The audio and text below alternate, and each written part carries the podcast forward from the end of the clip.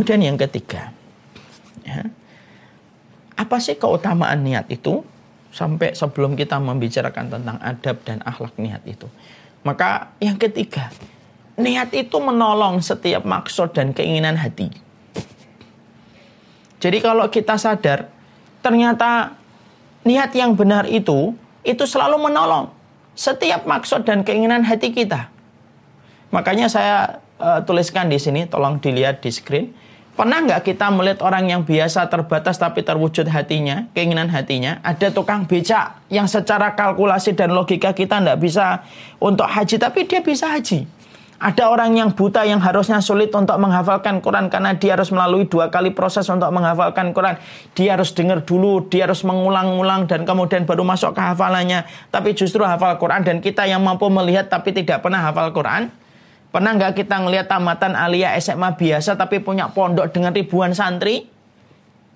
Kalau kita pernah ngelihat ada orang-orang yang terbatas tapi terwujud keinginan hatinya dalam urusan besar akhirat, itu pasti disebabkan karena niatnya ikhlas karena Allah Subhanahu wa taala. Makanya kita ini kadang-kadang kenapa ya kalau kita punya keinginan akhirat kok sering gagal terwujud gitu. Simple. Karena kita tidak menyertakan Allah dan Allah pun tidak menyertakan dan Allah tidak menyelesaikan proses yang kita lalui dalam keinginan yang kita miliki. Makanya Bapak dan Ibu ada sebuah hadis Rasulullah SAW yang sangat indah dari riwayat Abu Dawud kalau tidak salah. Ada seorang sahabat Ansor. Ketika sahabat Ansor tersebut masuk Islam, maka dia mengikuti peperangan bersama Rasulullah. Setelah peperangan itu selesai, maka Rasulullah itu membagikan gonimah. Gonimah itu harta yang didapatkan setelah menang perang. Rasulullah membagikan gonimah, harta yang didapatkan setelah masa perang. Dibagi semuanya. Tapi ketika beliau membagi harta gonimah tersebut, ternyata Arab Badui yang masuk Islam. Arab Badui itu kalau disebut kata Badui, itu adalah orang Arab yang tinggalnya di tebing-tebing nomaden dia, dia selalu berpindah-pindah. Dan dia termasuk orang yang masuk Islam. Ketika Rasulullah membagikan ghanimah harta yang didapatkan setelah kemenangan perang, ternyata Arab Badui itu tidak datang. Rasulullah tanya kepada para sahabat, Ainal Arab, mana Arab Badui yang ikut perang? Para sahabat menjawab, kami tidak tahu di mana beliau ya Rasulullah. Kalau begitu, kalau kamu tidak tahu di mana dia, saya menitipkan ya harta gonimah ini. Rasulullah kemudian memberikan beberapa gonimah. Ini saya ilustrasikan gonimah. Ini berikan kepada Arab Badui karena dia sudah ikut perang. Para sahabat yang mendapatkan mandat dan mendapatkan amanah dari Rasulullah, mereka akhirnya mencari Arab Badui dan mereka ketemu dengan Arab Badui tersebut. Setelah mereka ketemu dengan Arab Badui, maka kemudian para sahabat itu memberikan amanah yang dititipkan Rasulullah kepada mereka kepada Arab Badui. Ini milik kamu ghanimah. Lalu Arab Badui setelah mendapati para sahabat itu memberikan harta, Arab Badui itu merasa heran. Lalu dia tanya, Mahada, ini apa? Lalu dijawab oleh para sahabat, Hada hadihi ghanimatun qasaman nabiyulaka.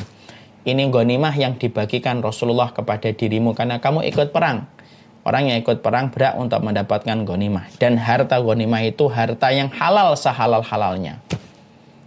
Maka kemudian Arab Badui ketika mendapatkan gonimah yang dititipkan kepada para sahabat, Nabi eh, Arab Badui itu nampak tidak suka.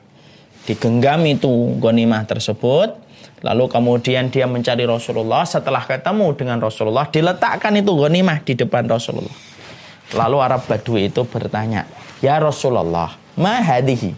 Maaf ya, Arab Badui itu terkenal kalau ngomong keras, bukan karena mereka tidak sopan kepada Nabi, memang kulturnya mereka begitu jadi kalau kita kadang-kadang berhadapan dengan orang Arab keras gitu, dimaklumi kulturnya begitu Pak. Ada yang Arab itu tinggalnya di tebing-tebing yang menjadikan mereka kulturnya keras. Mereka kemudian Arab Badui itu ketemu dengan Rasulullah. Kemudian Arab Badui itu berkata, Mahadihi ya Rasulullah. Ini apa ya Rasulullah? Dijawab oleh Rasulullah SAW. Hadihi ghanimatun qasam tulaka. Ini ghanimah yang saya bagikan kepada dirimu.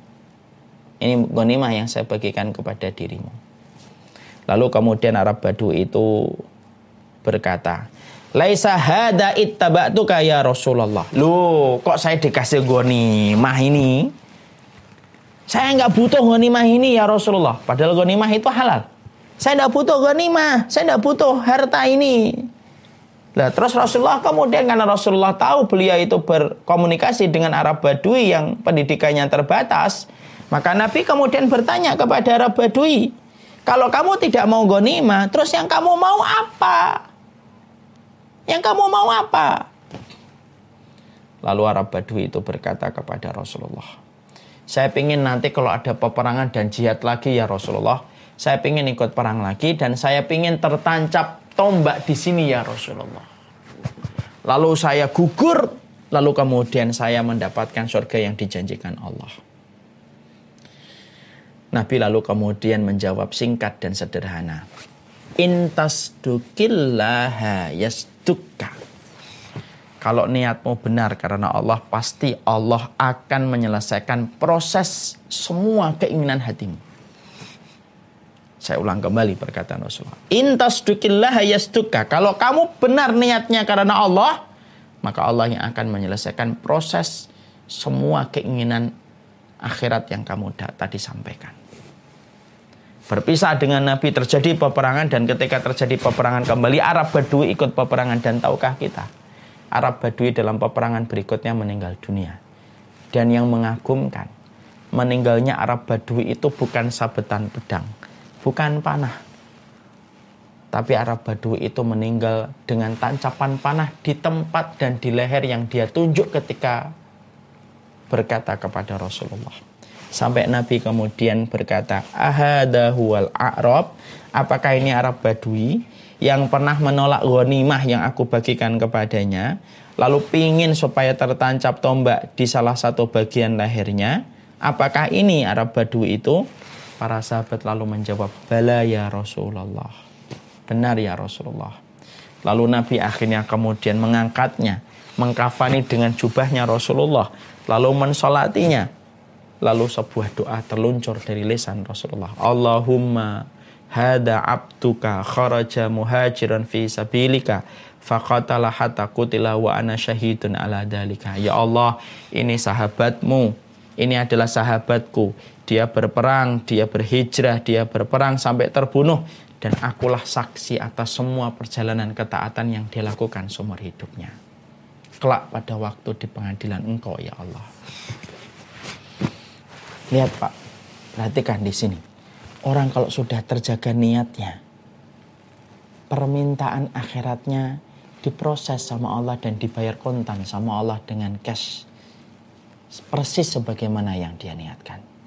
Itulah Pak, kalau kita sering bertanya, kenapa ada tukang becak yang secara logika, hitungan kertas, dia tidak bisa haji tapi dia mampu haji Mungkin dia ketika menetapkan keinginan untuk haji tidak ada niat yang dia miliki kecuali satu karena Allah. Dan Allah yang mengatur proses akhirnya. Itulah yang menjadikan kita akhirnya pernah menjumpai ada orang yang buta Pak tapi hafal Al-Quran. Saya punya seorang guru tahfid. Orangnya buta tapi hafal Al-Quran dan hafalan Al-Qurannya jauh lebih bagus daripada hafalan Quran saya. Padahal beliau buta. Yang secara notabene susah untuk menghafalkan Quran. Di situlah saya tahu. Hati yang ikhlas yang menjadikan Allah menyelesaikan proses akhir dari niat yang telah dia miliki. Saya punya seorang guru di pondok saya dulu sebelum saya di fakultas syariah. Cuma tamatan aliyah, cuma tamatan SMA. Tapi punya seorang punya pondok ribuan santri. Sekarang santrinya sudah bertebaran di mana-mana keluaran dari Madinah, Mesir, Libya. Padahal cuma tamatan Aliyah. Kenapa orang-orang yang semacam itu akhirnya disampaikan niatnya oleh Allah? Yang mana keinginan-keinginan tersebut sebenarnya sulit untuk kemudian didapatkan secara biasa. Karena orang kalau sudah hatinya ikhlas itu, maka Allah yang membantu proses akhirnya. Dan kalau sudah dibantu oleh Allah, maka sesungguhnya tidak ada yang mustahil baginya. Kita ini kadang-kadang pingin ini, pingin itu, pingin ini, keinginan akhirat kita gagal.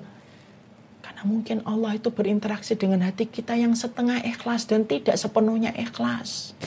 Sampai Allah tidak menyelesaikan proses akhir dari apa yang kita niatkan. Allah itu berinteraksi dengan kita sesuai dengan hati kita, sesuai dengan niat kita, sesuai dengan keikhlasan kita.